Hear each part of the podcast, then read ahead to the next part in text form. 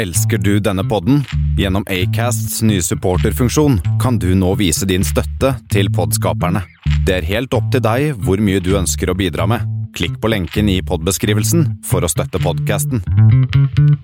Som at du snakka om at uh, du var på fotballbanen, og så ble du finta. Og det var nok til at uh, du gikk rett i kjelleren og nærmest ikke følte at du hadde rett i livet. omtrent.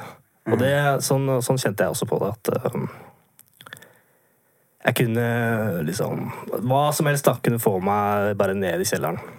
Det var den tung, tyngste, tøffeste perioden jeg hadde hatt. Lord, show me. It is God's love.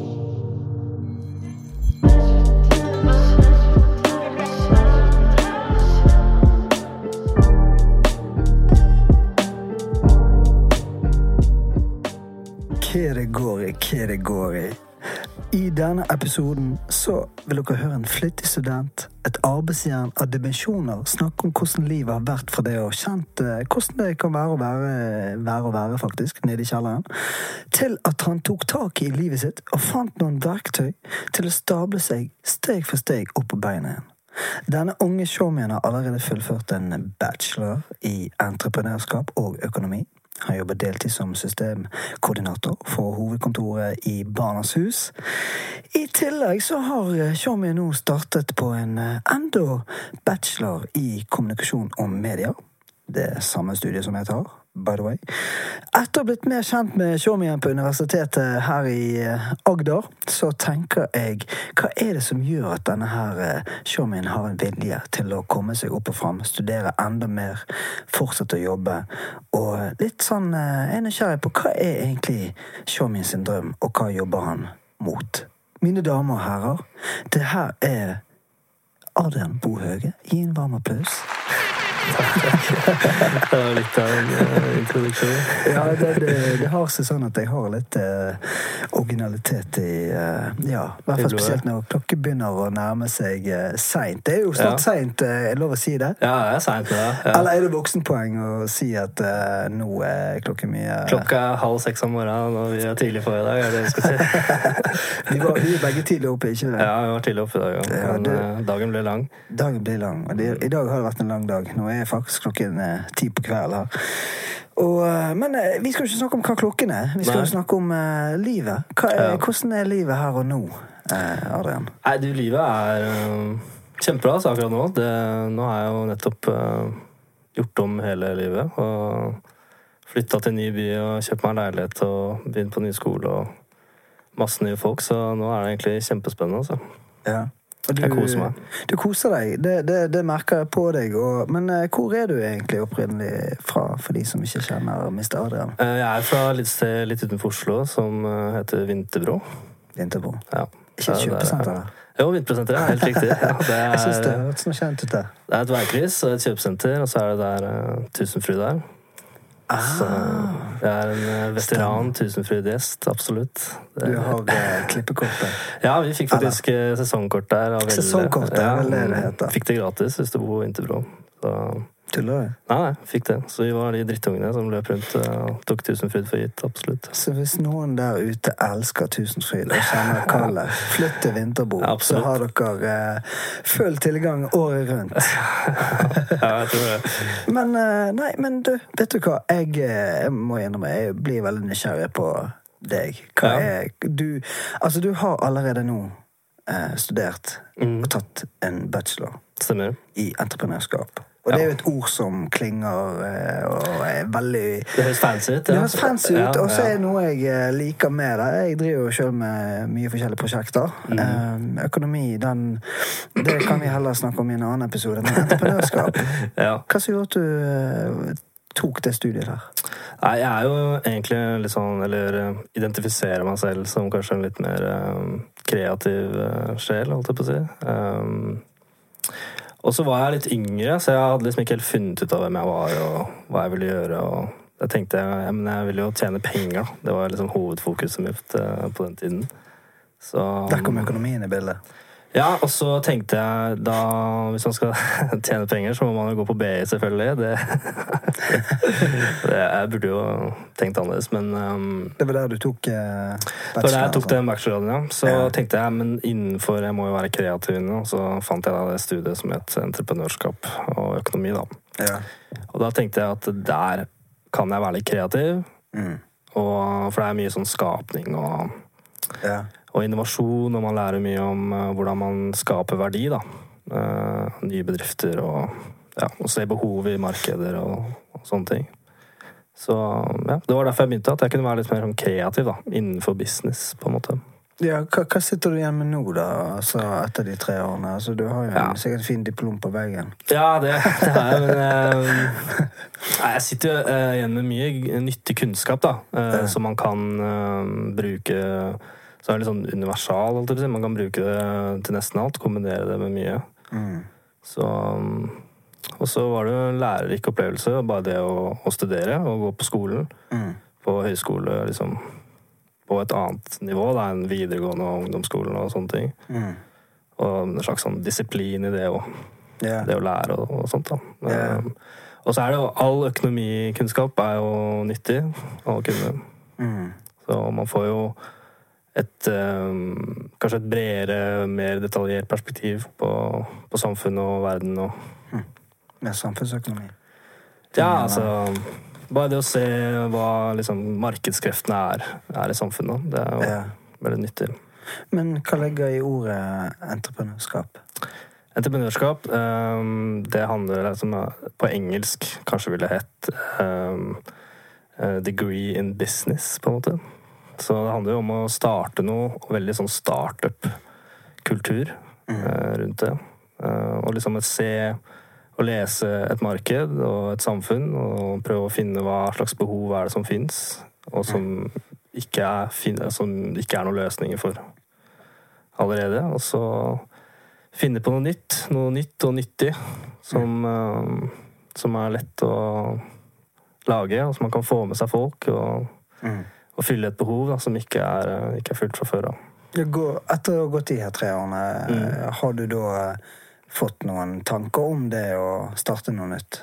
Ja, altså, kreativitet. Jeg har alltid tenkt at jeg vil liksom drive for meg selv. Ja, eh, fett. At jeg vil uh, på en måte jobbe for meg selv, da, og ikke være avhengig av å få lønn av en større bedrift, f.eks. Så det er jo et godt steg på veien da, til, til å gjøre det. Ja. Jeg ble aldri helt bitt av den eh, startup-greia. For det er jo en litt sånn type liksom, type person som eh, som, eh, som ender opp der, da. Du må være ganske liksom på ja. veldig sånn uh, Stordalen-type fyr. Ja. For, for å gjøre det. Alle kan ikke være Stordalen. Alle kan ikke være Stordalen, Men uh, det å Jeg lærte mye som er nyttig, da, liksom det å, Ja. og drive for meg selv, da. Ja. Vil du si at det var et krevende studie? Ja, absolutt. På hvilken måte? alle økonomistudier er krevende. Eh, Det er tung matte og statistikk, og det er mye å sette seg inn i som er eh, Ja, som er tungt. Jeg var aldri noe god i matte før jeg kom dit. Ok, Den er jo litt interessant. Ja, så det var en, det var et modningsfag for meg, så jeg måtte jobbe mye, mye med. Ja. Så det gikk bra, men det var veldig mye jobb. Men Var det mye gruppearbeid? da? Var det sånn at du måtte jobbe mye på egen hånd, eller fikk du mye drahjelp fra Ja, både Jeg var heldig. Det er mye gruppearbeid, altså organisert gruppearbeid på okay. BI. Og så Ja. var jeg veldig heldig på BI at jeg kom inn i en sånn god vennegjeng. ja. Som, eh, og vi hjalp hverandre mye, da. Og ja, evig takknemlig til, til den gjengen der. Salut til chomene der. Ja, altså, Shout-out til de. Du vet hvem dere er. Eh,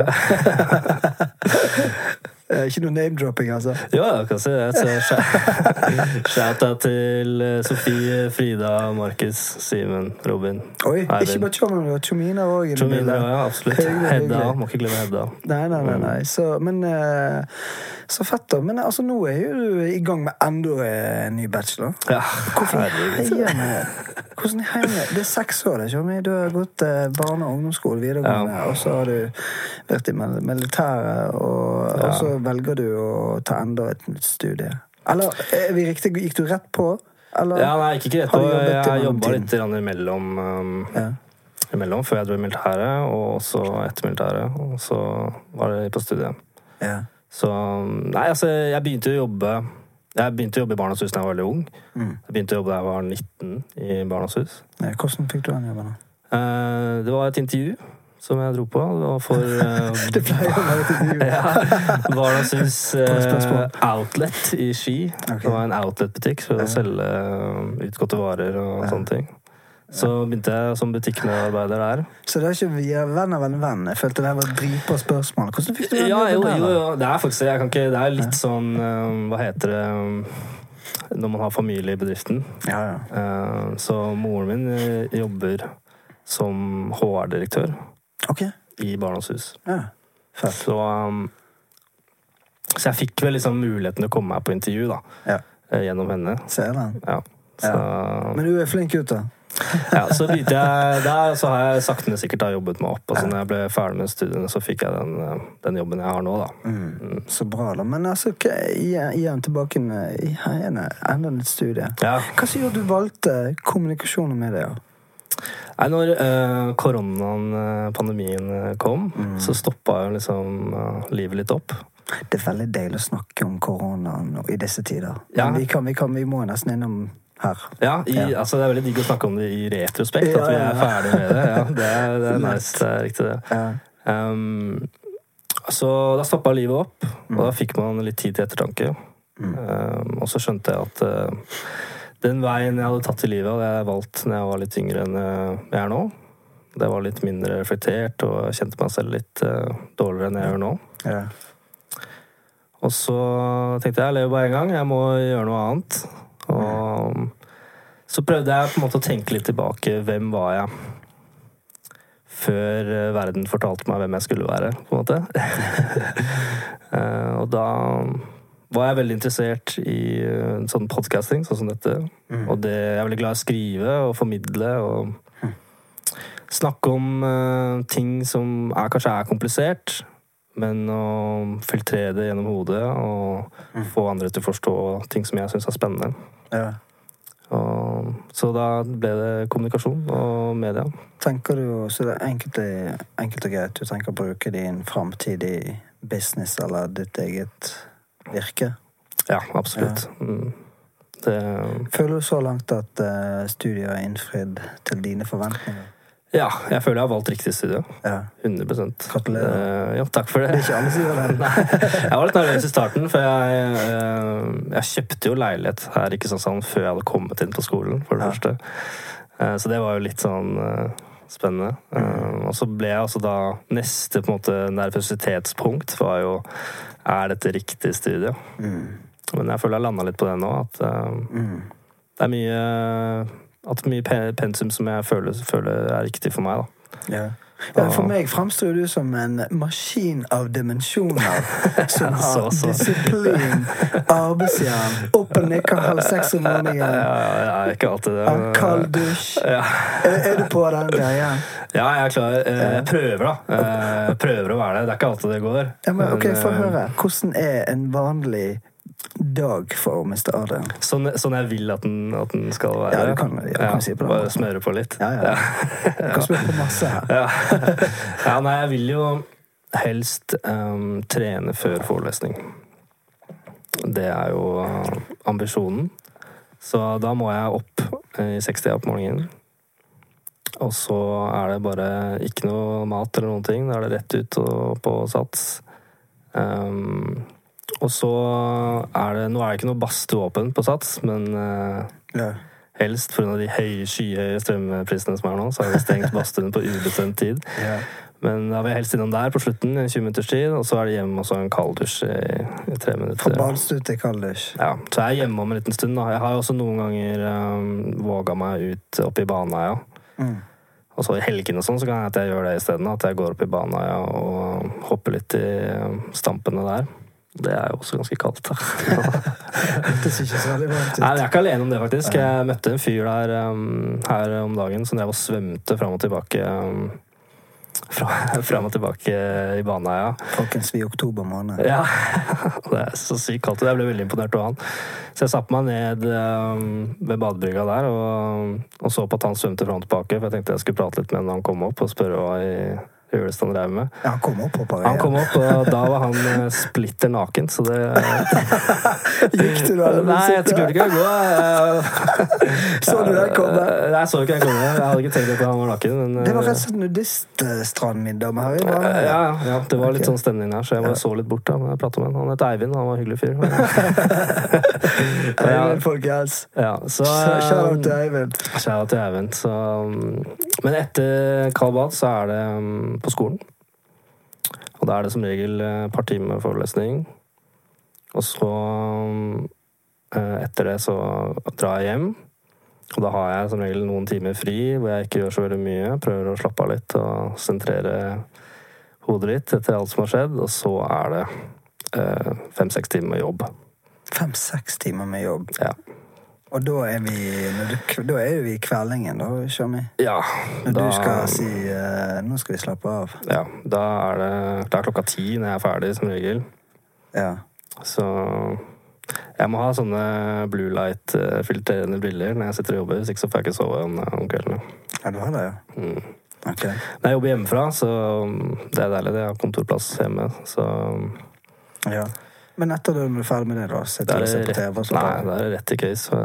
Så, du ser lite TV? ja, det er de to, Serie, to timene som, um, som jeg har mellom, da. Ja, ja. Hvor det blir tid til litt TV. ja. Og da, da ser jeg litt, og så slapper jeg av litt og spiser litt og sånne ting. Da. Så, ja. Så, men så har jeg jo fri på tirsdag, for eksempel, så nå kan vi sitte her. I dag har jeg ikke jobbet, så det er deilig. Og Folkens, så- dere hører det her nå, eh, det er helg, men uh, dette ble faktisk rekordet på tirsdagen. Ja. Når showmen er fri.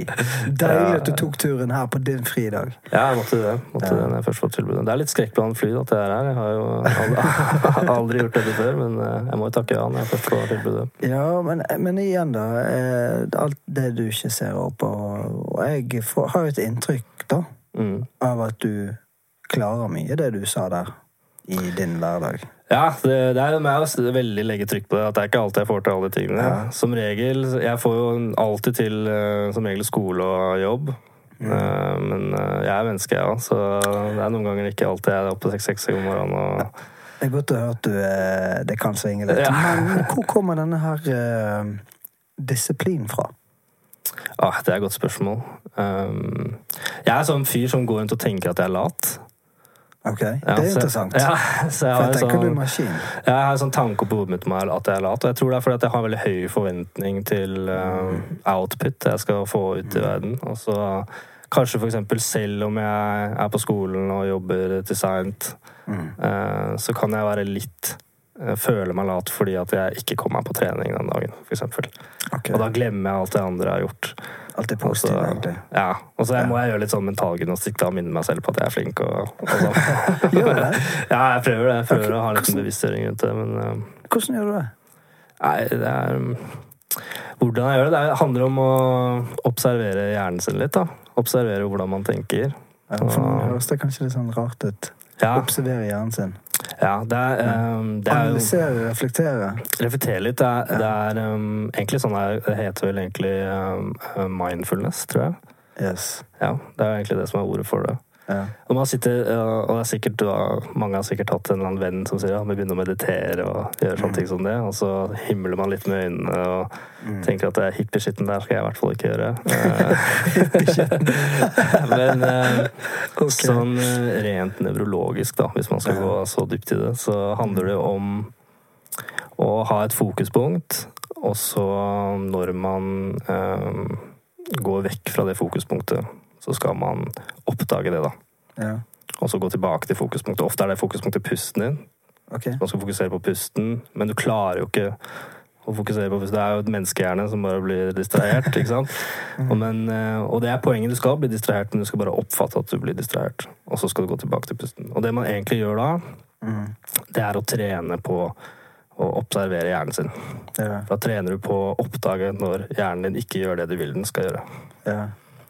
Og når du blir flink til det, det er en treningssak, når du blir flink til det, så, så kan man eh, så blir man, det lekker det inn i liksom mange andre prosesser i hverdagen din. Og da kan man bli flink til f.eks. å oppdage når man tenker negativt Ja, okay. om seg selv eller situasjonen. Eller også tenker Oi, se hvor rare jeg, tingene hjernen min gjorde nå. Det var ikke det jeg ville at den skulle gjøre. Og så kan du gå tilbake til det fokuspunktet du vil at du skal ha. Hvor lenge har du drevet med dette? Oi, eh, lenge. Jeg begynte vel eh, med det eh, under eh, press fra min mor da jeg var litt yngre. Så gikk jeg gjennom den første kjærlighetssorgen da jeg var sånn ja, 16, 15-16 år. Og da var det noen som skulle lære meg dette, og da tenkte jeg herregud, hva er dette her for noe? Det skal jeg i hvert fall ikke gjøre. Og så glemte jeg det litt i en periode, og så plukka jeg det litt opp igjen eh, da jeg var rundt 23-24. Og da begynte jeg med det for å få litt kontroll på, på tankene mine igjen. Og det, det er veldig nyttig å være flink til, altså. Det, absolutt. Og liksom etablere jeg, altså den du er, inni hodet ditt. At du ikke er tankene dine. Tankene dine blir bare trigga av alt som skjer rundt deg eller inni deg. Men du sier jo du sier jo det er min hjerne, og det er mine tanker. Og dermed så har du liksom en slags sånn etablert avstand der allerede. At du er jo ikke stemmen inni hodet ditt, du er eh, personen som lytter.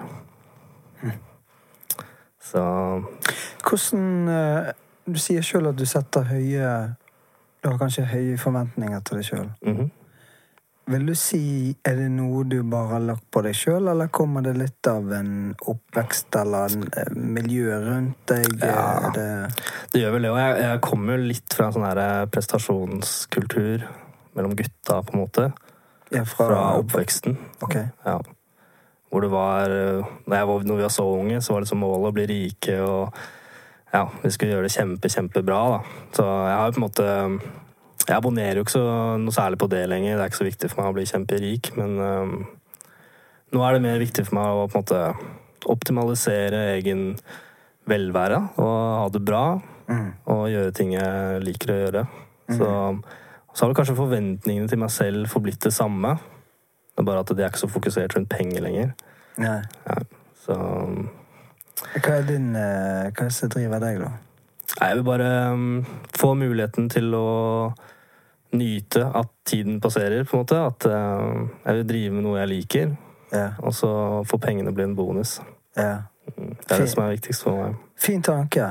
Jeg tror det er veldig viktig òg, da. Mm. At man at man har eh, Det er ikke penger som penger nødvendigvis som gjør deg lykkelig. Absolutt.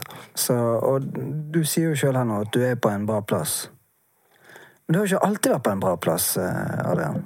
Sånn litt etter det jeg har snakket med Vi er blitt, blitt kjent med deg nå og hørt litt. Og, og uh, du vet at jeg driver med prosjekt nå, så jeg tør å si det. Ja, ja, ja. For at du tør å si det. ja. Hva tenker du, hva tør du å si i podkasten her? Jo, jeg er veldig åpen bok, jeg, altså. Um, Ja, for det, du er på en bra plass nå. Nå er jeg veldig bra plass. Og- Men du har ikke alltid vært der. Nei, nei, Og er det greit at vi spoler litt tilbake? det går Hvor du gikk gjennom en veldig eh, tøff fase i livet ditt. Ja, Hvor lang tid tilbake må vi da?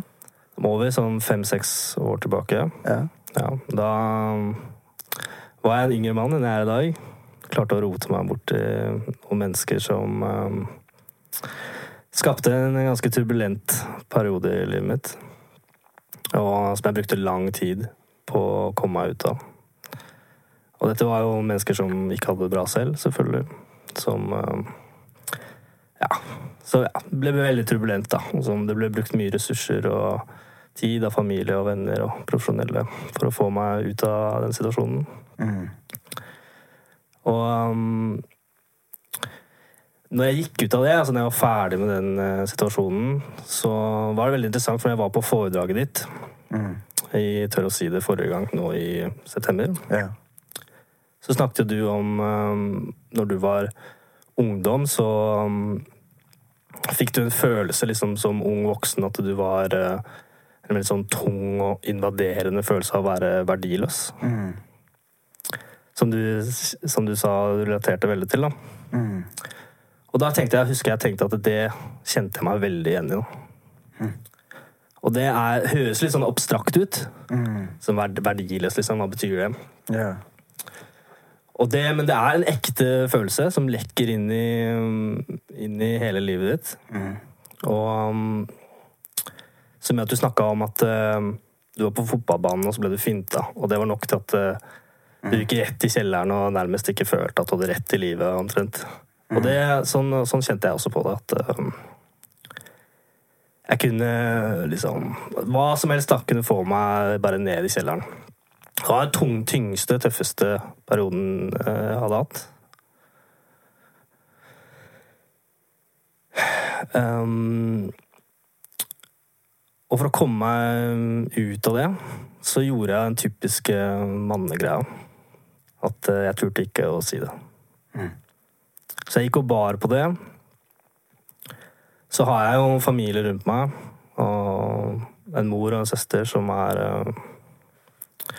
Som skulle hatt medalje for all den støtten eh, de har gitt meg. Og jeg har venner og som jeg er evig takknemlig for, men eh, jeg turte ikke å utdype eller snakke om hvordan jeg hadde det, fordi eh, jeg skulle klare det sjøl.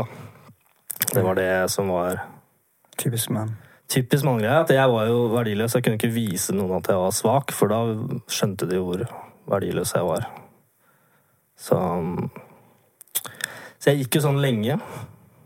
Eh, og sleit med det. Så var det noen eh, Jeg vet ikke hvor jeg hørte den, men eh, Det var noen som sa til meg, eller som jeg hørte på en podcast eller leste i en bok eller whatever, at du må tenke på deg selv som en person som du har ansvaret for å ta vare på. At du tenker at du er ditt eget barn. At eh, hva skal du gjøre for å passe på det barnet? Det høres jo veldig sånn fint ut. Eh, Men jeg hørte det, da så tenkte jeg det er jo like langt. Jeg har ikke peiling på hvordan jeg skal ta vare på, på den personen som har det så vondt akkurat nå. Um, så slo jeg det litt fra meg, og så kom jeg jo kanskje til et punkt hvor nå orker jeg ikke mer å ha det sånn her. Um, nå kan jeg liksom ikke fortsette med det her, for jeg fungerer ikke i noen arenaer i livet mitt lenger. Og det er jo bare et helvete hele hver dag. Så um, um, da begynte jeg å høre på bøker. Lydbøker, rett og slett. Altså. Lydbøker, ja. Jeg begynte å søke informasjon om hvordan jeg skulle ta vare på den personen som jeg hadde ansvaret for å ta vare på. Og da måtte jeg sette meg inn i masse ting som jeg ikke kunne noen ting om. Om mental helse og utvikling og eh, nevrologi og psykologi. Hvordan hjernen fungerer og hvordan hjernen lærer, og avhengighet. Og traumer, og hvordan det fungerer på hjernen. Og, og lærte jeg veldig mye om det. Men det her er du inne på noe som Dette er litt fascinerende, syns jeg. Mm. For jeg tror ikke det er mange som gjør det, tar det grepet der. Nei, jeg tror ikke det. Nei, altså, som at bare For det, du sier jo sjøl at du på eget initiativ Ja. Mm. ja, tar tak for å fordype deg inn i hvorfor er ting som det er. Og på søken etter eh, verktøy for å Lindring. Jeg søker for å få det bedre, på en måte. Ja, jeg søker etter for å få det bedre. Mm. Så jeg, jeg oppdaget jeg var en veldig sånn eh, aktiv podkastlytter. Mm. Eh, veldig alltid vært, eh, vært det, fra liksom podkast begynte å blomstre opp. Yeah. Så jeg oppdaget jo gjennom det at jeg var veldig flink til å lære meg ting gjennom å lytte Mm. eh, på folk som var mye, mye smartere enn meg. Um, og så var det litt den eh, realiseringen av at eh, Eller åpenbaringen at eh, livet mitt er ikke unikt, da. Og mine problemer er ikke unike. Det har levd mange, mange, mange milliarder mennesker før meg. Og noen av dem, mange av dem, er mye smartere enn meg. Og de har hatt samme problemer som meg, og noen av de igjen har skrevet bøker. Mm. Um, så jeg hadde veldig nytte av å lese om Eh, Bøker om hvorfor jeg endte opp i den situasjonen som jeg endte opp i. Hva slags egenskaper jeg hadde som gjorde at jeg tiltrakk meg de menneskene som, eh, yes. som ødela meg. Og da er det bare et par og 20 år? Da er jeg vel sånn rundt eh, 24, 23-24 år. Mm. Um, og så um, At jeg rett og slett har eh, en oppdragelse som gjør meg til en um, litt sånn people pleaser. At jeg er veldig opptatt av stemningen hos andre. At jeg um, er veldig opptatt av å lese hvordan andre har det.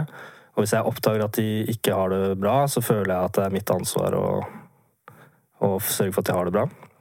Når du sjøl egentlig ikke har det bra? Ja, altså, da, I det så glemmer man veldig å prioritere seg selv. Da. Det er veldig typisk at øh, da tenkte jeg at ja, men jeg tåler det.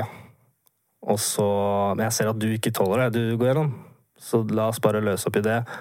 Og det er veldig, kan man jo tenke at det er en god egenskap, at man vil hjelpe andre. Men når det går så på bekostning av selv, da, Mm. og også at du gjør det til den grad at um, du liksom ikke ser at oi, nå begynner det å bli farlig for meg her. Eh, og at uh, folk som er kanskje er motsatt, da, som tar og tar og tar, de finner jo deg som gir og gir og gir. ja, um, sant nok. Og sånne typer mennesker tiltrekkes hverandre, og mm. så ender man opp i en situasjon hvor man til slutt er helt tom. Eh, Hva gjør du da? da uh, kom jeg kom meg ut av det, og så, um, så leste jeg dette. At det, det er derfor jeg endte opp i den situasjonen. Og så måtte jeg lære meg om uh, traumer, for det meste. Hvordan eh, hjernen prosesserer traumer. Og hjernen er et organ som som prøver å spå fremtiden for deg. Det er, den gjør mange ting, men en av tingene som du merker veldig når du er bevisst, er at den prøver å spå fremtiden for deg. Der kan jo ordet frykt komme inn. Ja, Frykt for fremtiden, for eksempel. Absolutt. Um, og det gjør den for å beskytte deg. Og den informasjonen den bruker for å spå fremtiden, er dine erfaringer. Og det er en veldig god ting at hjernen gjør det for deg, men det kan også Det kan også liksom slås litt knute på. Og hvis du har hatt veldig um, traumatiske opplevelser i livet ditt, så tar den gjerne med seg det, og så unngår du kanskje situasjoner som du ikke burde unngå, eller du blir redd under situasjoner som ikke er farlige, fordi du um, Det er noe som har skjedd som har skremt deg før, da. Um, så da kommer jo også litt det med mindfulness inn. At man må ta seg et lite pust og observere hva hjernen gjør. Huske på at det her er ikke farlig, det er bare hjernen som prøver å spå fremtiden. Da, brain doing brain shit, som jeg pleier å si. og, så, og så gå videre i livet. Og så lærte jeg meg mye om læring. Hvordan hjernen lærer. Og at vi har masse nevroner i hjernen, og at det går ganger mellom dem. Og hver gang du gjør noe nytt, eller tenker noe nytt, så føles det kanskje vanskelig og uekte og litt rart. Og grunnen til at du gjør det, er fordi at du ikke har gått opp det skisporet mellom nevronene dine før. Hvis du går i dyp snø, så føles det vanskelig, men hvis du gjør det mange ganger, så blir det en vane. Og så går det lettere og lettere. Hæ. Og samme gjelder jo for avhengighet. Det er derfor man blir avhengig av ting. At du går opp et skispor i hodet ditt som er så lett å gå. Og i hjernen, det som går fra nevronene, er jo faktisk eh, elektriske ladninger. Og elektrisitet har en sånn egenskap at du alltid velger the path of least resistance. Så hvis du ikke har gått opp eh, et spor som du vil gå opp, men du har gått opp et annet spor veldig, veldig godt, så, så vil alltid elektrisiteten gå der. Ikke litt sånn med tankebygninger Mhm. at det du fòrer det med, det du omgir det med Du, du etablerer bare mer og mer, så topper det seg mer og mer i topplokket der. jo, På en måte. Det gjør det. Men, uh, men, men det er syns det er veldig fascinerende å høre på det du sier der, da. Ja, det er det, kjempefascinerende. ja, for det, men i alt det her, da For det, det å lese bok tar jo tid. Mm. Så jeg er jo litt sånn interessert i. Men hva gjør du i all mellomrom, altså i mellomtiden her mellom de bøkene du hører på, og, og ute i livet blant mennesker? Snakket, begynte du å snakke med folk? Ja, jeg begynte å tørre å si det. Eh, Det var litt den, eh, den oppdagelsen at jeg er ikke unik. Og de følelsene jeg har, og de opplevelsene som jeg holder inni meg, de er ikke unike. Og det er ingen Det er også den eh, viktige tingen som jeg føler mange gutter og menn, og sikkert noen jenter også, som går rundt med og tenker at eh, jeg skal være sterk i min mine utfordringer. Og måten jeg skal være sterk på, det er at jeg skal klare det selv. Og måten jeg gjør det på, er at jeg forteller ikke dette til noen. Jeg holder det for meg selv, for jeg vil i hvert fall ikke plage noen. Og jeg vil jo ikke at noen skal se at jeg er svak. Unnskyld. Det kom her òg. Ja. Eh, og jeg vil jo ikke at noen skal synes synd på meg. Det er liksom vanlige tanker å ha. da. Jeg vil ikke være, vise liksom verden hvor liten jeg er. Og det er litt sånn selvmotsigende, fordi eh, det er jo egentlig litt feigt. Det er ikke det som er å være sterk. Det, det som er å være sterk, er jo å vise folk eh, at du er svak. For det er ekte. Ja, det er ekte, ja. Og det er det som er så viktig. At uh, Vis folk at du, du er svak, og, og, at du er sårbar, og at du har um, vært gjennom vanskelige ting som faktisk har skada deg. For alle mennesker er svake, og, og, det er helt greit. Og den prosessen, å lære seg det og faktisk gjøre det, det er mye vanskeligere og krever jo mye mer modighet Mm. enn det er å bare holde det for seg selv. Mm. Og ikke tenke på det. og det å liksom grave det frem og gå i seg selv og finne ut av hva det er, og prøve å løse det og fortelle det til andre. og Mm. Det er det som er styrke. Men det er jo også med trening, det òg. Ja. Altså det du repeterer der. Hvis Mhm. du blir Jo mer du normaliserer det å kunne snakke med noen ja, ja. og vise og gå opp det skisporet i hjernen. At du må, Ja. du må snakke med folk og dele. Og så var jeg veldig heldig, da. At jeg hadde Jeg har vært veldig heldig. For jeg hadde Jeg møtte jo blant annet den gjengen på, um, på BI. Og de hjalp meg egentlig kanskje mer enn det de eh, skjønte selv. Det var sånn at De hjalp meg på en litt sånn ubevisst måte. Jeg hadde også venner, gutta hjemmefra, som dro meg ut og fikk meg kanskje til å føle meg litt mer normal. da. Mm. Eh, og det gjorde også den gjengen på BI. Eh, fikk meg til å føle meg at jeg hadde noen å være med. Ja. Ikke nødvendigvis at jeg liksom snakka og bearbeida så mye med det, men det gjorde at jeg følte meg litt mer normal. og Jeg var ikke så aleine i hverdagen. Mm. Og så flytta jeg inn i et kollektiv. Som jeg møtte to-tre mennesker som var veldig gode samtalepartnere. Okay. Jeg bodde med. Eh, og de hjalp meg massivt, altså. Eh, og han ene, han eh, hadde utdanning i psykologi. Og så var det eh, en jente som jeg fortsatt er veldig god venninne med. Som er utrolig omsorgsfulle eh, og gode samtalepartnere. Og så på slutten her så kom det også inn en fyr fra Hva heter det nå? Fra Vestlandet. Der hvor det er så høye fjell og Bergen by, kanskje? Nei, ikke Bergen.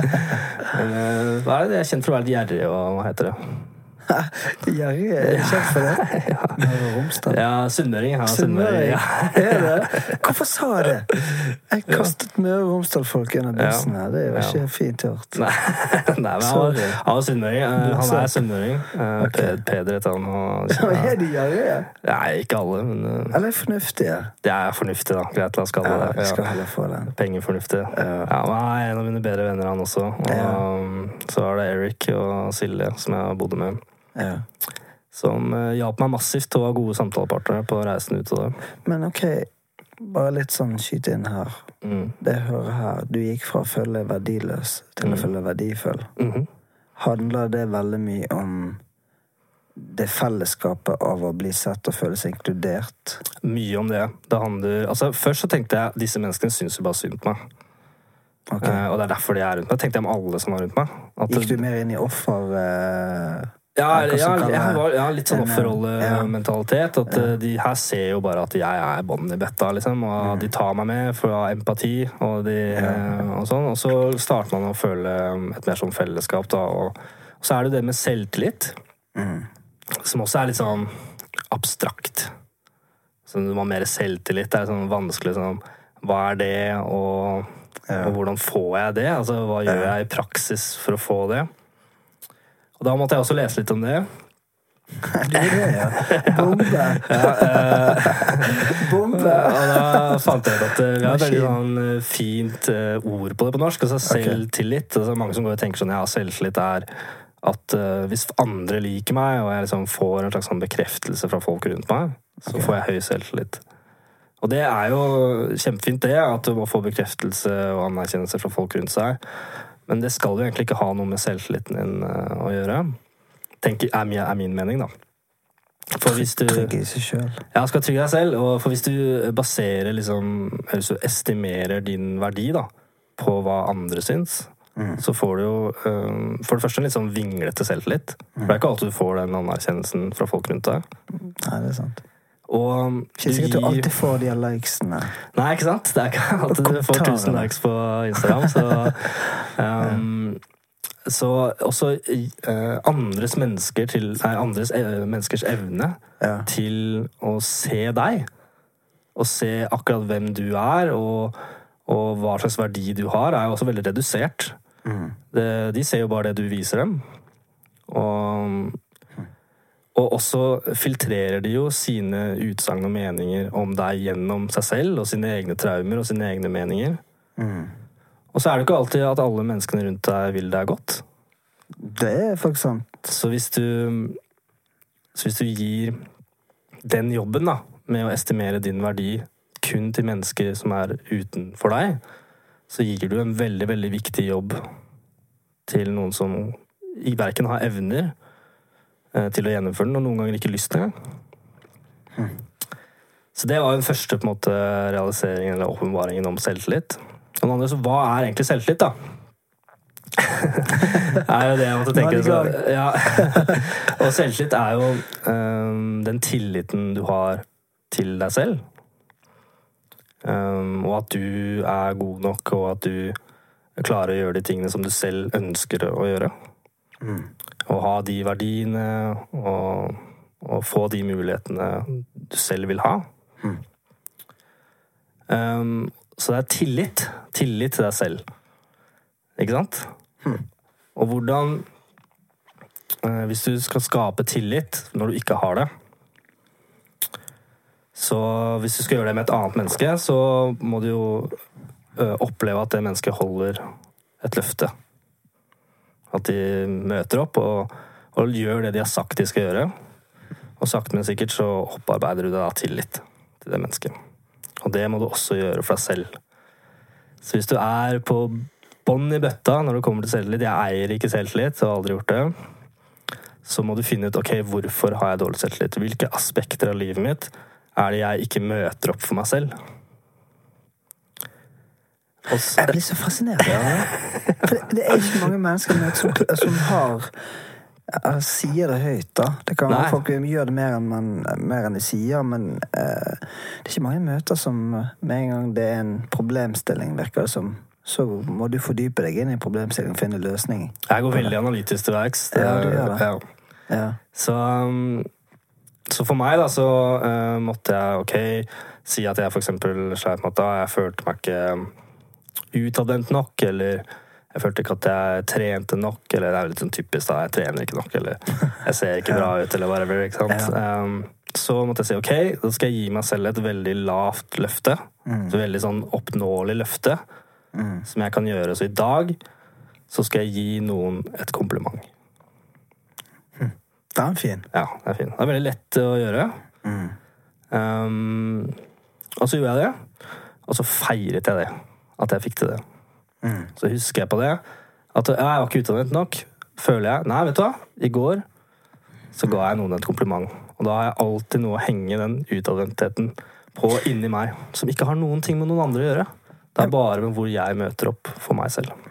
Ja, men altså, det her Hvis man er litt nede i kjelleren Det er ikke lett for eh, Jeg har en følelse av at Jeg husker i hvert fall sjøl når jeg var langt nede. Mhm. Det er ikke så veldig lett å smile og være utadvendt og Absolutt ikke. ha mye energi når du skal møte opp i sosiale settinger. da. Nei. Jeg har selv Hvordan- vært der. Men, ja, for, men det du sier her, er at du steg for steg. Så Mm. hvor lang tid snakker vi her, da? For, du har, for du fordyper deg inn i mange ting, du. Ja, for å si det sånn, da. Så når det kom til akkurat det med selvtillit, Ja. så startet jeg veldig veldig lavt. Altså, jeg var på et punkt hvor jeg eh, ikke kom meg ut av senga mi. På en måte. At, ja, eh, ikke sant vel? Jeg lå bare der, og det er også sånn veldig ting at vi um, Vi lærer jo bort det med mental helse og det å ta vare på sin mentale helse. Det blir gjerne lært um, retroaktivt, altså det kommer etterpå. Ja. Og da er man jo ikke noe mottagelig for å sitte og lære om meg. du må puste og fokusere på pusten din og gi deg selv et løft, og du tenker bare ja, bullshit, det hjelper meg ikke en dritt, liksom. Så er, derfor tenker jeg eh, Det er ikke en veldig sånn original eller kontroversiell mening, men at man burde lære det mer proaktivt. da, At man har den kunnskapen inne før krisen treffer. Så, men um, når det kommer til å være så langt nede at det ikke er så lett Så når jeg først lærte det, så handler det om å gi seg selv et lavt nok løfte. Så det første løftet jeg ga meg selv, det var at jeg skal bare ut av senga mi i dag. Så jeg skal bare reise meg opp. Det er det jeg lover. Jeg lover meg selv at i dag skal jeg reise meg opp. Og så ble det til at eh, i morgen så lovte jeg meg selv at jeg skal ta én pushup. Så gjorde jeg det. Og så er det mestring i det. Og så trenger jeg ikke å fortelle det til noen. Trenger ikke å poste det på Facebook at, eh, at jeg tok en pushup i dag, liksom. um, Er ikke det noe feil? da? jo, altså gjør hvis du vil, men, men det handler jo om deg selv. Du gjør Ja, noe for sant. deg selv. Ja. Um, Fordi i det skjulte man egentlig bygger karakter. Absolutt. I det skjulte man bygger gode vaner. Bygger disiplin. ja. Og det er det verste som har skjedd deg, hvor du smis som person. At det er det som, det er det som lager deg, gjør, gir deg karakter. Um, og det er ofte starten på noe bra nå. Det verste som har skjedd deg. Ja. Så um, det er bare å, å la deg selv gjøre det til det, og, og starte.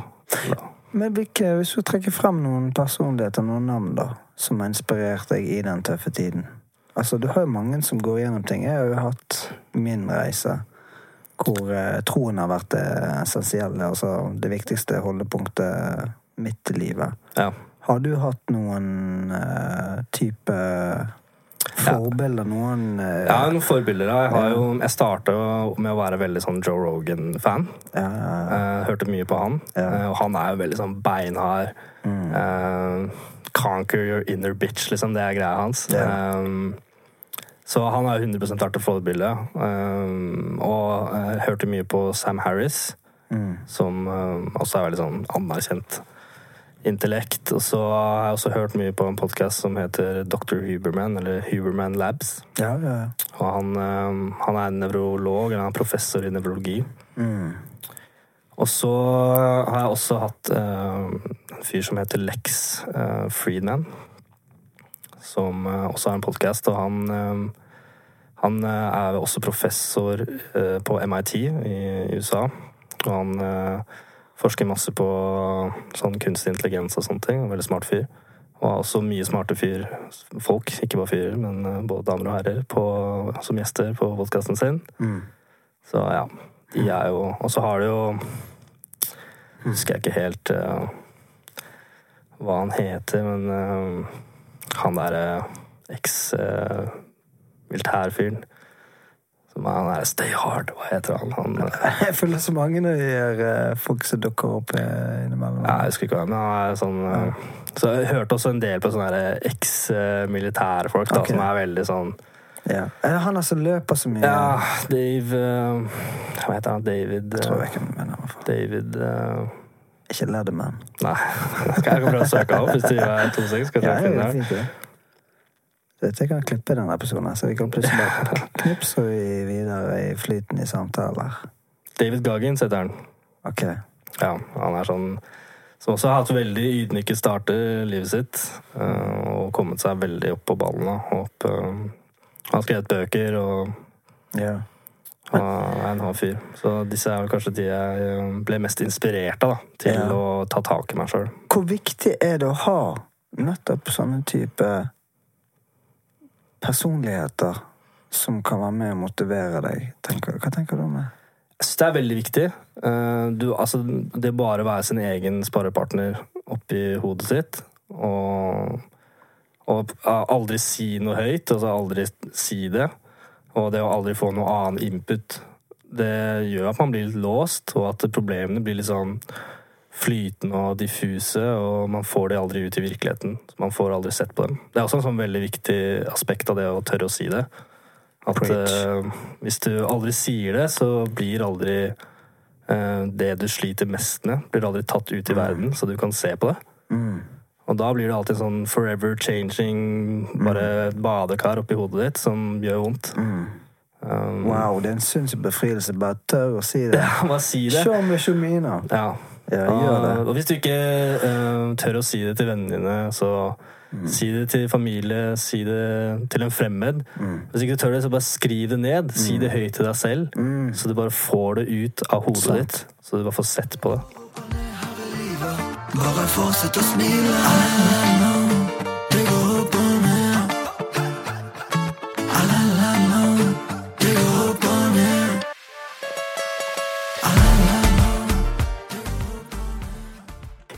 Denne vanskelige prosessen du er, der du prøver å stable deg opp på beina, du leser, du prøver å finne Ja, ja. Tilegne deg eh, kunnskap, læring og forståelse av hvorfor du tenker som du gjør og handler som du gjør. Men var det noen øyeblikk der du hadde lyst til å bare gi opp? Ja. Um, jeg lå, altså dette var en periode hvor jeg, jeg lasta ned bøker. Og, så, og det er bøker som, som du føler Når du søker opp bøker som handler om det du sliter med, som er veldig sånn vitenskapelige og, og tunge å ta inn, um, så må man jo liksom Det er en lydbok. Du må liksom sitte og spole tilbake, og det blir distrahert, og det er vanskelig å, å lære seg. Så og det føles jo til tider uh, veldig tungt. uh, både fordi det er vanskelig å lære seg, men også fordi jeg følte at uh, den boka her er skrevet om meg. Og så er det noen som har satt ord på de tingene som jeg sliter med, som jeg aldri hadde tenkt på selv. Og det kan jo være veldig sterkt. Eh, så jeg hadde liksom en periode hvor jeg eh, gikk turer, da. Spesielt under pandemien og sånne ting. Og, og la meg ned i Frognerparken og hørte på lydbok og gråt og, og ja. Så du kunne felle tårer? Ja, ja, masse tårer, altså. Jeg skal ikke legge skjul på det. Nei. Um, tør å si det, altså. ja. ja, ja. Bare snikreklame. Gjør det ekstra. Nei, så det er mange, eh, mange situasjoner hvor man har lyst til å gi litt opp, ja. Eh, men hva, hva gjør du da? Er det noen andre måter du har håndtert de vanskelige stundene på? altså, det jeg gjorde når jeg hadde lyst til å gi opp, er at jeg ga jo opp. Um, og så gikk jeg hjem, og så hadde jeg det kjipt. Og så helt til jeg ikke orka å ha det kjipt lenger, og så begynte jeg på nytt. Så det var ikke sånn at du hadde lyst til å bare Nå gjør jeg slutt på Jo, jeg hadde perioder hvor jeg tenkte det òg. Det var liksom det som var litt sånn veikrysningen eh, som gjorde at jeg starta med det òg. At jeg kunne ikke fortsette med det her eh, og ha det sånn som jeg hadde det. Du, har du, Spør rett ut, jeg. Har du hatt selvmordstanker? Ja, ja. Okay. Um, og, og så det var jo um, enten Og det å liksom velge å avslutte livet, um, eller uh, så måtte jeg gjøre noe med det. Jeg måtte uh, gjøre noe. Og fikse. Og det på eget initiativ og din egen viljestyrke? Ja, altså Du kan jo kalle det uh, viljestyrke. Det blir jo også det at det, det blir jo ikke et alternativ å avslutte, uh, rett og slett. Eh, hvis man går for dypt inn i det, så, eller i hvert fall når jeg gikk dypt inn i det, så, så ble jo det bare ikke et alternativ. Jeg kan jo ikke gjøre det. Eh, jeg har jo for mye igjen, for det første. Ja, var det mye samvittighet overfor for Ja, og jeg har jo for mange som er glad i meg, og jeg er jo også uh, glad i meg sjøl, liksom. og jeg uh, håp... Godt å høre. ja. Og jeg håpet jo at uh, jeg kunne få løst dette, så og, Men, men jeg, sorry at jeg men jeg skyter inn men eh, det at du sier at du er glad i deg sjøl, handler det litt om at du har hatt en trygg og god oppvekst og følt deg elsket?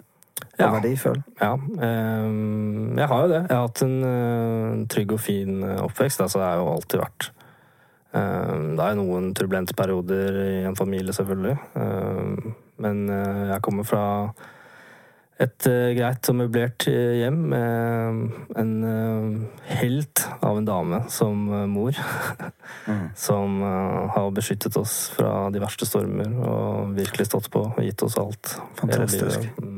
Så det har vært med rett og slett når du da var i Ja, når du hadde lyst til å gi opp, så er det likevel noen Ja. punkter her som holder deg oppe. Som holder meg skikkelig oppe. Som gjør at ok, neste dag så starter du på nytt igjen. ja. Så jeg har vært veldig heldig sånn sett Ja. med å ha en god, god familie, søster og en mor, og at jeg har møtt veldig sånn ressurssterke og fine mennesker da, som jeg har klart å holde rundt meg, som uh, har Ja. løftet meg opp. Ja. Det er veldig imponerende og blir veldig sånn fascinert uh, av din sånn det, Av det du deler her nå, da. Hvordan du fordyper deg inn i ting og utrolig fascinerende. For at jeg har jo slitt mye med konsentrasjons, uh, konsentrasjonen min, da. Ja. Sant? Altså hvis jeg leser, uh, begynner å lese i en bok, Mm.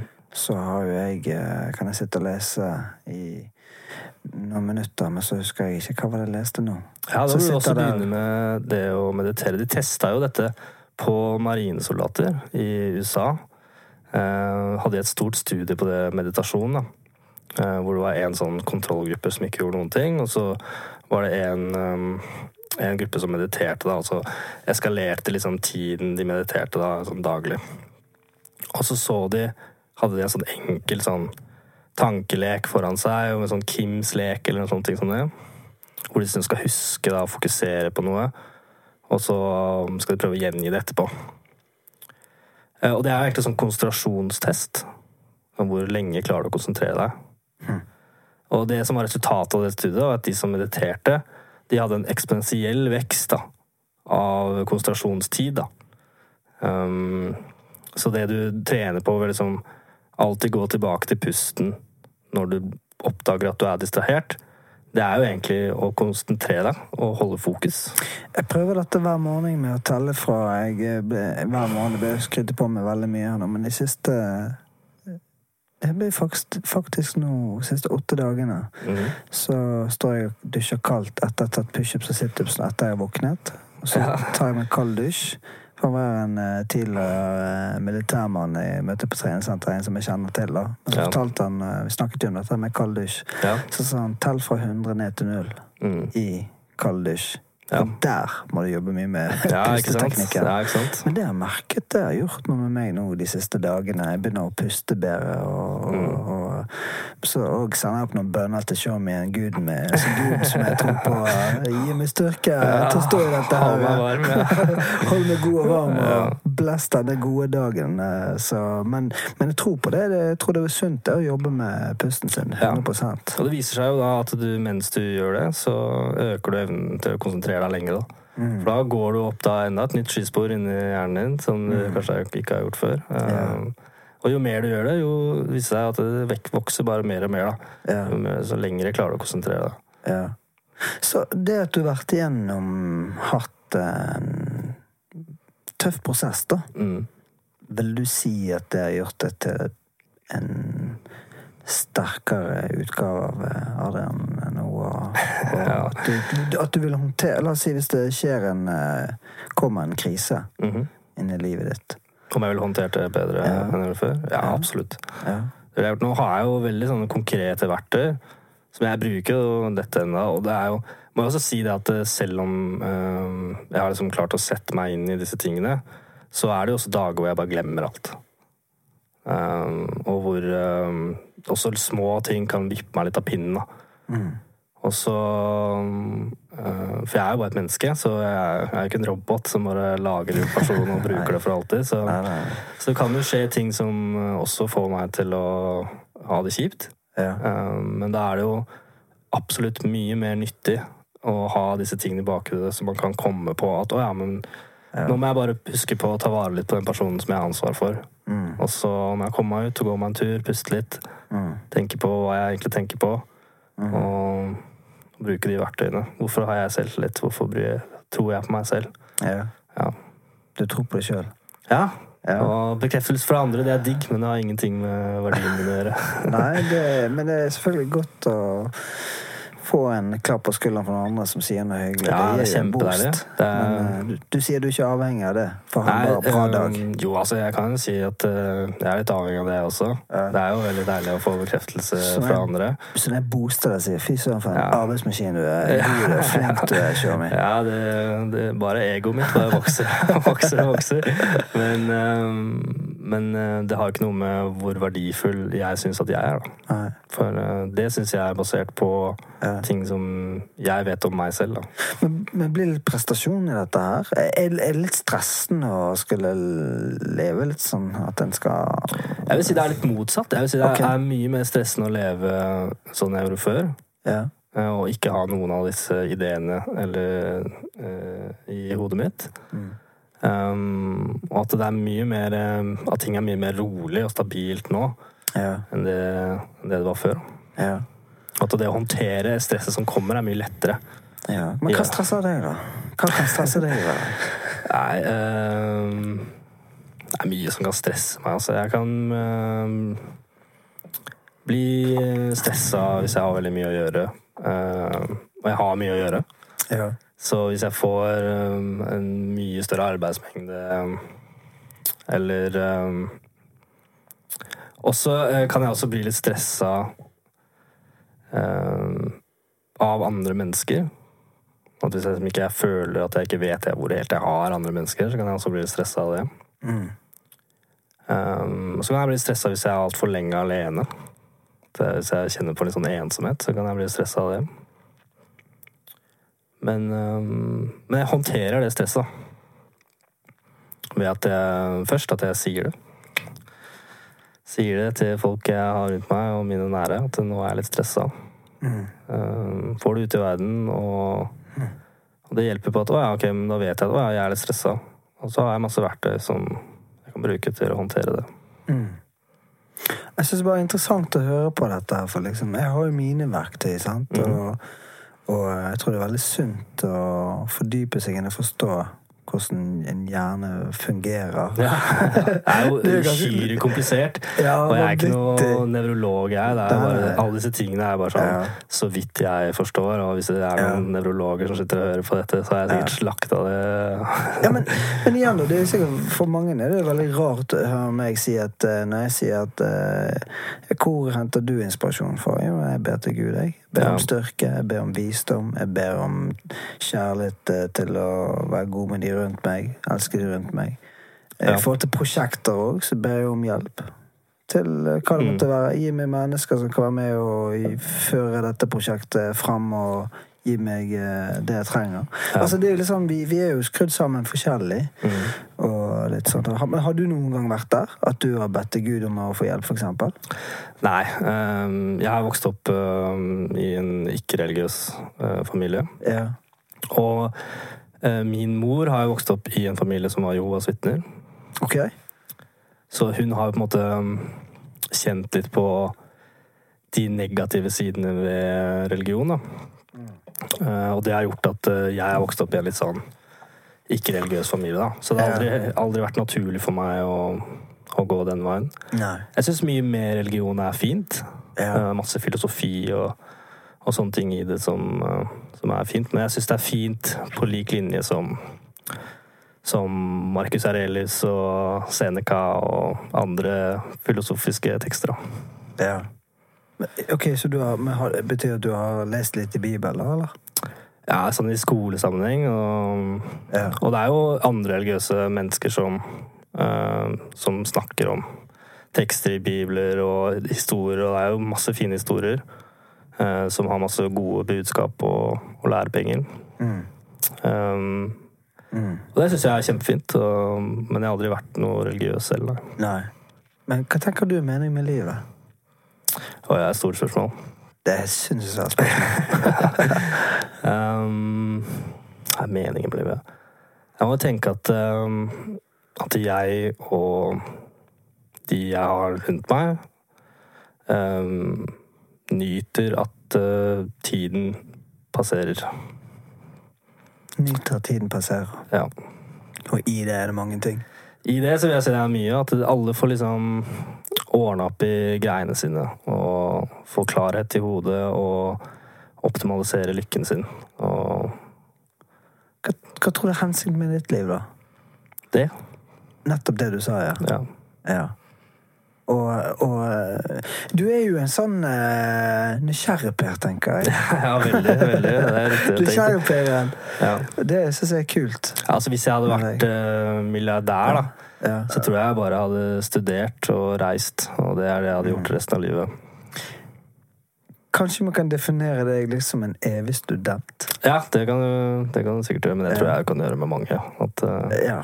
man er vel det hele livet sitt uansett. Livet er jo en læring. Ja, Det var det Mayo som sa. Man, livet er en lærer. Man skal alltid lære. Kongen. Ja. Men, men det er Jeg kjenner jo Det er jo det jeg syns er spennende med livet nå, da.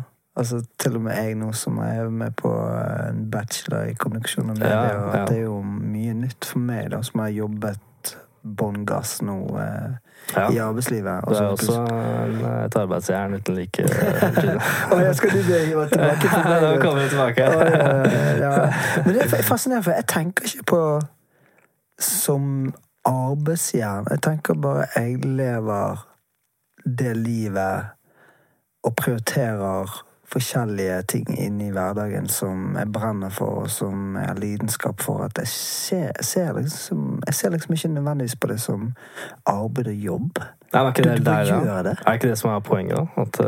Ja, det, det Ok, jeg må jo si at uh, skoleprosjektene, ting og tang, der er det litt sånn Jeg kjenner at Ja. det er litt mer jobb med det, for det ligger ikke Alt det som jeg nå lærer, ikke, ligger ikke helt naturlig for meg. Og det er ikke, det er ikke helt under, under huden på meg nå.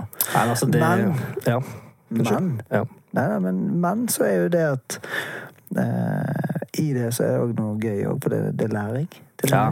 Det er vondt å vokse. Det skal ikke være bare godt heller. Uh, Du kan ikke vokse uten smerte, tror jeg. Nei, nei, For det er ute av komfortsonen. Ja, så er jo jeg tror, jeg tror det ligger noe i ordet der at eh, den setningen at uh, vekst kommer over å gå ut av komfortsonen. Ja, absolutt. Ja. Så er det jo litt sånn at man, når man går inn i et sånt bachelorløp, da, så Ja. skal man jo bli um, Gå inn i en veldig sånn bred mengde med informasjon. Ja, ja, ja. Å lære seg veldig sånn bredt. Det er helt sykt. Jeg, jeg, jeg blir så sliten av det. Hvis Bare, bare måten du, du tar ut armene, så kjenner jeg bare Ja. Fy søren, den eksamen som kommer i desember, den, Ja, den blir gleder jeg meg Ja, til. det blir svær. Vi skal jo få til det sammen, eh, Gino. Jo, det er ikke noe tvil. vet du hva jeg bestemt for? Ja. Jeg skal, jeg skal stå. Ja, det skal vi få til uansett. Jeg tror vi skal sikte høyere enn det. Ja, Ja, ok. Jeg liker å si det. Men jeg har siktet meg inn på at eh, de siste ukene før da, så skal jeg gå inn i en sånn her maskineri av å bare Ja. bånn gnu, eh, Hva heter det? Gnu? Bånngass? Pugge? Eller? Ja, jeg skal gi iallfall bånngass. Og jeg skal lese. Ja. Jeg skal prioritere. ja. Du får være med på skolen ja, når eksamensperioden begynner. Så Ja. blir du bort på skolen og sitte der Mm. og lese så mye som mulig. For det er noe med det å være i miljøet.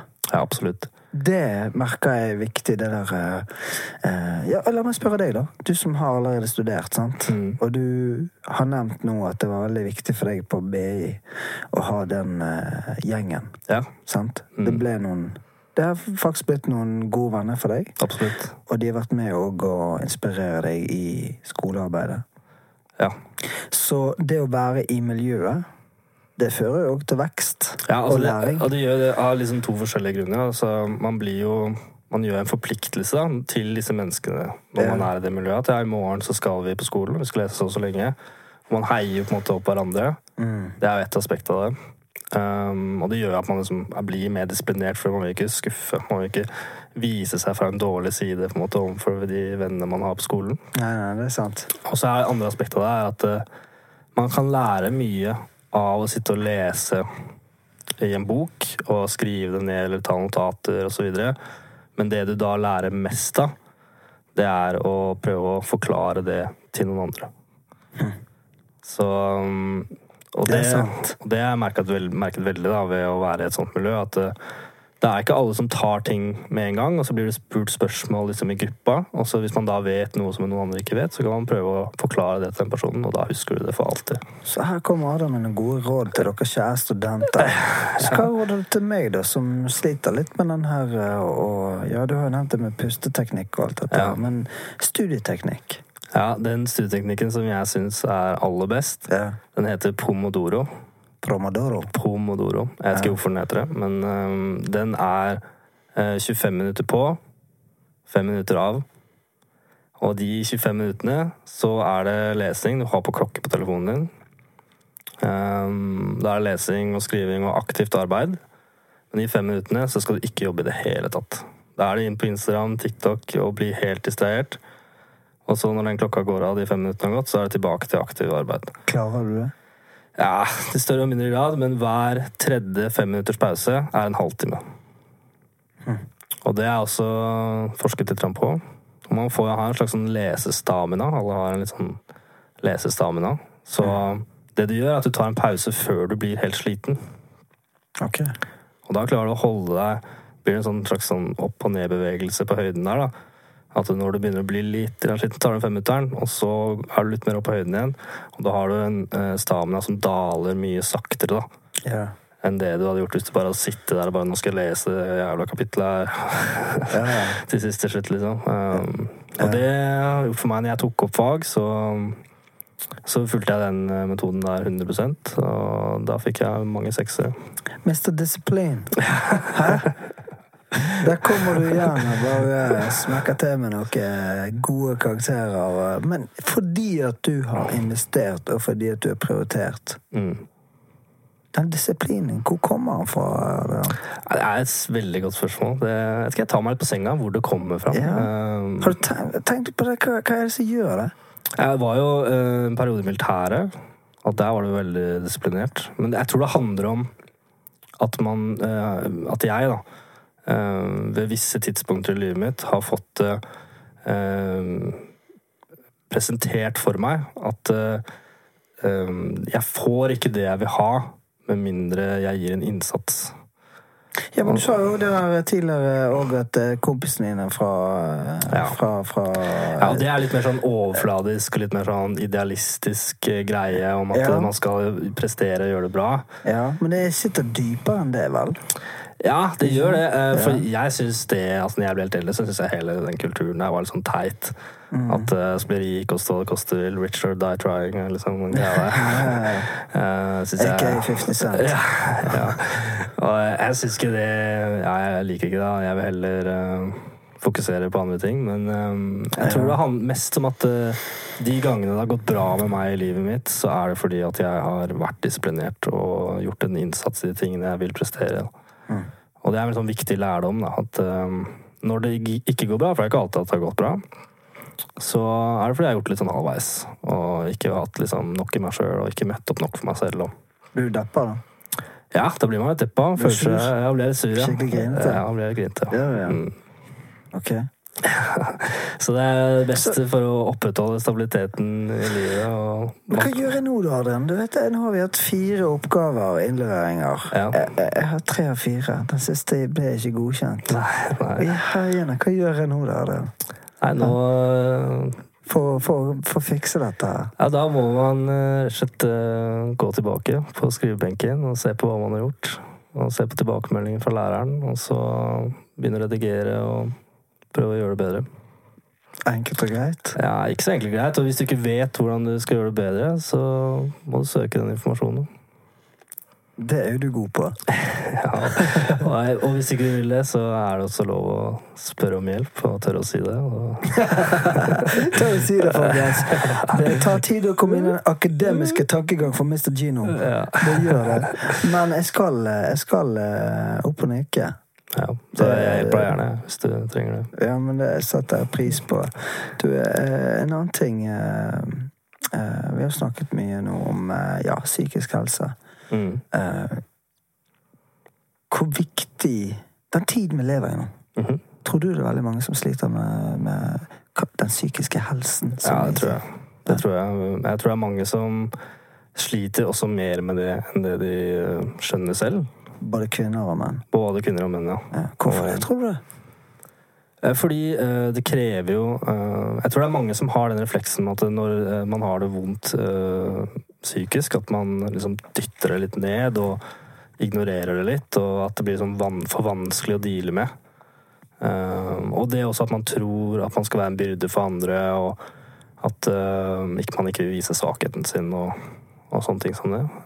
gjør at man ikke deale med det, og da blir det ofte bare verre. Så jeg tror også det samfunnssituasjonen vi lever i nå, både med at det blir dyrere og dyrere å, å leve, og at det er krig og Mye press. mye press, ja. Og mye prestasjonspress og, og økonomisk press. Og, Konstant press, kanskje. ja. og og det at vi da ikke har lært Det er ingen som har lært, særlig den voksne øh, generasjonen som lever nå. Det er ingen som har vært proaktivt inne og lært de hvordan de skal eh, bevare en god mental helse. Vi er veldig gode, særlig i Norge, på fysisk helse og hvordan vi skal bevare det. Og folk trener og står på. Men det er like viktig med den eh, mentale helsen, og det kan vi ikke så mye om. Jeg tror du er med på noe der. Men jeg tror òg det at eh, Hvis vi kan heller tenke at utfordringer eh, Rom for vekst, ja. Men òg utfordringer se det på som det styrker deg. Ja, absolutt. Det kan styrke deg. Det er det verste i livet som smir deg som person. Så, Ja, det er jo Det er jo ikke til å komme ut, utenom det at uh, livet kan noen ganger gi deg en uh, slag på nesetippen. det skjer hos alle. Og noen ganger blør det virkelig for nesetippen. Ja, Noen ganger er nesetippen knekt. ja det Så, sånn skjer. så, så Men eh, du, da? Kjenner du noe eh, et press nå, eller er det bare god flyt for din del? Det vil alltid være litt press. Ja. eh, Men jeg tror det er ikke det, Jeg tror ikke det er sunt å ikke føle på noe press. Mm. Men det er vel hvordan du, hvordan du håndterer det presset. At, uh, man, at man må tilgi seg selv hvis man ikke får til ting. Og at man må huske på at, uh, hvorfor man har verdi. Og, Det var litt som studieveilederen sa til meg. ja. Det er ikke krise Nei, nei. om du ikke står på den eksamen. Selv om i mitt hode så tenker jeg det er helt uaktuelt. Ja, Men som hun sa, at uh, det er jo bare å ta det opp igjen i januar, det. ja. Vi har alle den eh, opplevelsen at vi gikk i niende klasse, og alt som uh, var viktig, var å stå på den engelsktentamen. Og hvis vi ikke gjorde det, så gikk livet i grus. Og sånn er det egentlig hele resten av livet også. Så Det er lett, det er lett å Jeg tror kanskje vi har, vi har levd så mye i en komfortsone at nå som det du sa nå, da, at eh, prisene øker, det er mye mer press. Mm. Det er til og med eh, en uro rundt i forhold til dette med krigen som Ja. man, man ser i media at det hvis, som blir uh, trykt opp i trynet ja. vårt hver dag gjennom mediene at uh, krigen nærmer seg. Ja, det er også viktig. Det er Det er også veldig viktig, synes jeg, at man ikke skal gå for dypt i det. Jeg er jo veldig Jeg klarer ikke det selv, holdt jeg på å si, alltid. Men jeg, jeg holder meg alltid veldig oppdatert i VG og sånne ting, og får smake konsekvensen av det, at man blir litt engstelig. Kjenner du på en eh, frykt i forhold til det? Ja, altså Jeg ser vel på det som eh, urealistisk at eh, det, krigen kommer sånn helt til Norge akkurat nå. Det er så veldig mye som tyder på det. Hvorfor det? Nei, altså Det vil jeg si er øh, fordi at øh, det vil ikke ha noe godt resultat. Altså hvis liksom Russland skulle invadert eller gjort noe som øh, var en aktiv krigshandling mot Norge, så vekker det jo et veldig stort Nato-troll, da. Som er den største militærmakten i menneskets historie. Og som er hundretalls større enn øh, hele den russiske hæren. Så- Og det vet de også. Så hvis det hadde skjedd noe, så tror jeg kan si ganske sikkert at da hadde det ikke vært noe Russland lenger på ganske kort tid. Men det er jo litt sånn der eh, Vi som studerer kommunikasjon og medier, du ser jo Jeg ser jo den der eh, kraften i pressen som kan presse på overskrifter som skaper uro og frykt. Ja, Den fjerde Den- statsmakten, som det heter. ja, som det heter. Stemmer det. Og, men eh, nei eh, eh, Hvordan finner du eh, roen i all uroen Nei, jeg prøver å være litt oss? Jeg prøver å være litt bevisst på Altså, jeg leser jo VG for Ja. det meste. Så prøver jeg å være litt bevisst på at VG skriver som de gjør fordi at de trenger aktivitet på nettsidene sine. Og Derfor ser man jo litt sånn clickbait-aktige Mm. overskrifter på VG. Du avslører de. Jeg prøver å se litt gjennom, prøver å se litt gjennom det. Um, Ja. Og at man eh, tjener mye på krig, akkurat som man gjorde under første verdenskrig i Norge. Mm. Så ble jo det skrevet masse, masse, masse om i avisene, og det gjorde at avisene tjente masse penger. Mm. Til det punkt at um, vi ble redde for at eh, avisene i Norge skulle true norsk nøytralitet Mm. under andre- første verdenskrig. At vi måtte begynne å sensurere avisene. Ja, tenk på det. Eh, og det er fordi folk, krig er spennende. Folk vil lese om det. Ja. Nei, vi trenger ikke gå så mye inn på det, egentlig. Men eh, litt tilbake til det her med presset. Hva anbefaler du eh, i forhold til det og ja, psykisk helse? Hva? Da anbefaler jeg absolutt å ikke gå for dypt inn i avisen. Og hvis du vil holde deg oppdatert, så dediker en time eller en halvtime om dagen til å lese. Og før det og etter det så prøver vi ikke å tenke så mye på det. Mm. Og hvis man tar seg selv i å tenke masse på det, så sett deg ned, fokuser litt på pusten. Og få med deg når du blir distrahert, gå tilbake til pusten. Prøv å gjøre det til en vane. Og så er det viktig å komme seg ut døra. Gå litt tur, få inn store, brede utsikter. Og få øyene til å bevege seg rundt på masse fokuspunkt. Det gjør at man blir roligere og utløser masse beroligende hormoner i hjernen. Og Så bruker ikke mye tid på å scrolle, sånn som utrolig mange gjør nå. Altså, vi, du har jo den funksjonen nå på telefonen at du kan se hvor mye har brukt per dag. Ja, det er skremmende. Ja, det, jeg har, veldig, statistikk på det. har hatt veldig høye tall her eh, tidligere, så det punkt hvor jeg har satt sånne tidslåser på både TikTok og Instagram og VG. Ja. Okay. Så jeg vet at jeg har en halvtime om dagen med VG, Ja. og da går jeg ikke inn og leser VG før jeg har dedikert tid til det, for jeg vet jeg bare har en halvtime der, så venter jeg til eh, dagen er ferdig, eller kanskje den tiden mellom eh, Klarer du det? Ikke alltid. Ikke, Ikke alltid. sånn alltid. lager seg bak her eh, Hva vi kaller det? Dopa... Nei, dopamin? Nei, det feil å si det. Hva heter det? Nei, hva heter det for noe? Fikk jeg helt jernteppe her. Det blir sånn du, du, får den der eh, Dopaminutløsningen. Ja, Ja, mm. jo, jo, det er det. Ja. Sant? Man skal du være bare- litt uh, forsiktig med alle dopaminutløsende aktiviteter som ikke krever så mye innsats. Mm. Så man skal prøve å, prøve å holde seg til de dopaminutløsende aktivitetene som krever høy innsats. Ja.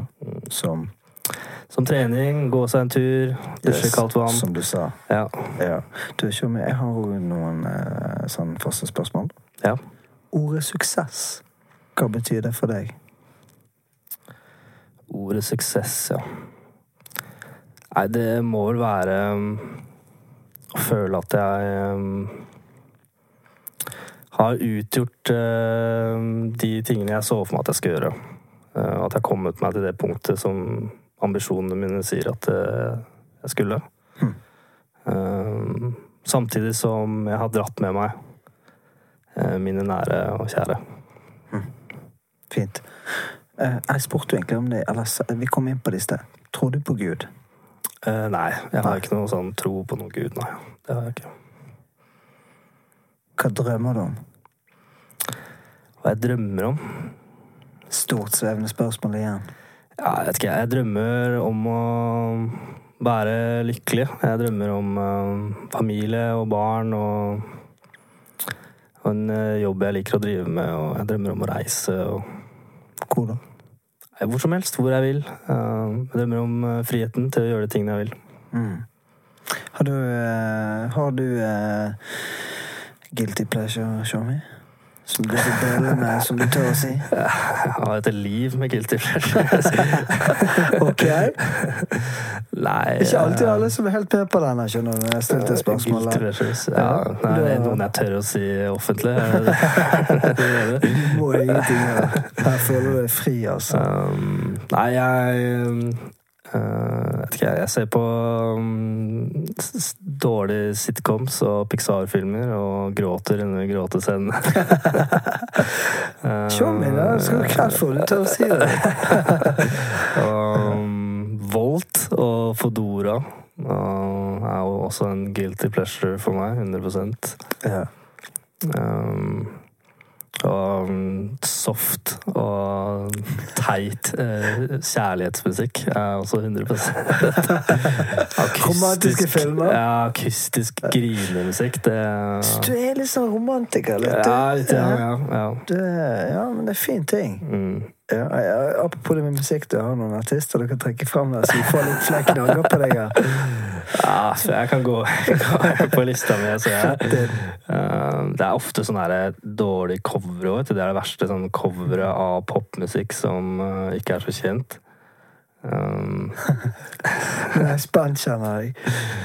um, Topp tre på denne playlisten. Skal jeg den? ja, Boys Avenue. Det er mye, mye coversanger der. Ok. Um, men altså, jeg må si det for å, for å hevde meg selv til. Altså, det er også mye Pink Floyd og Beatles. Og, ja. mye av det. Uh, Ed Sheeran, absolutt. Ed Sheeran er jo klassiker. Ja. Sam Smith. Ah, ja, men hallo, du nevner gode artister. Jeg skjønner greien. Men uh, show me, show me, show me. Nå nærmer vi slutten der. Hva betyr det å være en show me for deg? Og en tjomme. Altså kompis, som jeg ville sagt. Ja. Ja. Men hva betyr det i det?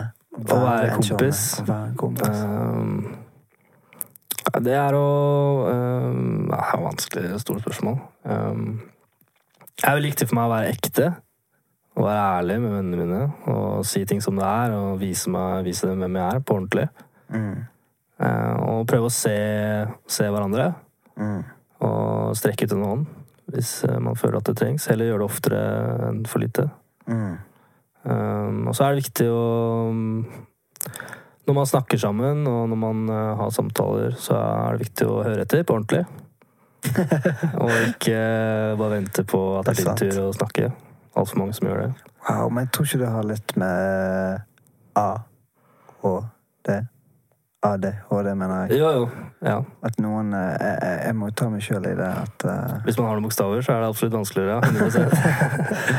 Men man kan trene der òg. Man kan trene der òg, Ja, men eh, det er viktig å lytte og Veldig sant, altså. prioritere en person som snakker. Mm. Um, og det er vel egentlig det jeg tenker er viktig i et vennskap, da. Eller å være kompis.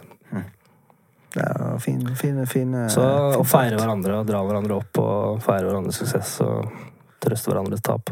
Er du flink å feire når det går framover for deg, da? Uh, jeg er ikke så flink til å gjøre det for meg sjøl. jeg må gjøre litt sånn mentalgymnastikk for å, for å få det til. Og hvis jeg gjør det, så går det fort over. Da feirer litt, og så er jeg ferdig med det, og så går vi videre. Men eh, jeg har eh, både Ja. en mamma og venner som er flinke til å minne meg på det. Så Vi kan feire her med cola og Fanta her, vi, og så er det Ja. julebrus etterpå. Det.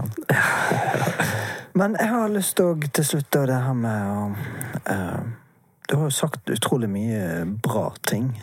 Som igjen kan bli Ja, men som igjen kan gi gode råd eh, til andre. mm. Og, uh, men hvis det er sånn oppsummert her Du ønsker å si noe oppmuntre til et menneske som er nede på bunnen, Ja. som ikke ser en utvei, som ikke har noe håp. ja. Er det noe konkret der du tenker du vil eh, Um, Altså, spør om hjelp. Uh, ikke vær redd for det. Og problemene dine er ikke unike. Uh, mange har hatt dem før, uh, og de har kommet seg gjennom det. Og um, fordi at selv om man er på et punkt man føler at ting er umulig, så um, er hjernen plastisk gjennom hele livet. Man kan alltid lære seg noe nytt. Og man kan alltid bli en bedre utgave av seg selv som takler utfordringene, og utfordringene bedre. Så det er bare å starte. det var, det var inspirerende. Motiverende. Ja, så bra. Så Men igjen uh, Stor uh, eh, Hva skal jeg si det? Nei, jeg blir litt sånn satt ut. Du Ja. sier mange bra ting, eh, Det er um... Start lavt nok. Ja. Så når det føles umulig, så bare start litt lavere. Mm, Mm. rett og slett. Så går det fort, og så plutselig så er det der du tenkte det skulle være. Mm. Du kan ikke gå en mil om gangen. Kan ikke det. Men hva tenker du om uh... Ta det bare på sparket her og nå, da, men uh... tør å si det konseptet. Mm. Hvilke tanker har du om det? Den foreningen som vi har startet i gang nå. Jeg syns det er veldig bra. eh, og det er jo en grunn Det er jo litt min historie som gjorde at jeg ble litt sånn eh, nysgjerrig på hva du dreiv med når du begynte å snakke om det her. Og det er jo det er veldig viktig for andre å se at det finnes folk som tør å snakke om de tingene som er vanskelig, eh, og særlig blant oss gutta. Jeg vet det er mange jenter som også gjør det, så blant folk generelt, absolutt. Men det eksisterer en litt sånn stigma eh, ofte, litt sånn kulturell stigma for menn, om at vi ikke kan eh, vise at vi har det vondt. Um, og det syns jeg er veldig viktig. da. Veldig viktig jobb å, å faktisk skape litt bevissthet rundt det. At uh, starten er å si det. Ikke bare til andre, men også, også for deg sjøl. Få det ut i verden. Gjør det ekte. Grav det fram. Det er det som gjør deg sterk. Det er ikke det å holde for deg sjøl. Da vil jeg si tusen takk til showmien her som tok turen innom. Ja, takk for at jeg kom. Med. Det var innholdsrikt og inspirerende å høre på alt det du delte. Og jeg er fortsatt veldig fascinert over at du har en sånn evne til å fordype deg inn i ting for å lære. Ja, eh, Og for å vokse.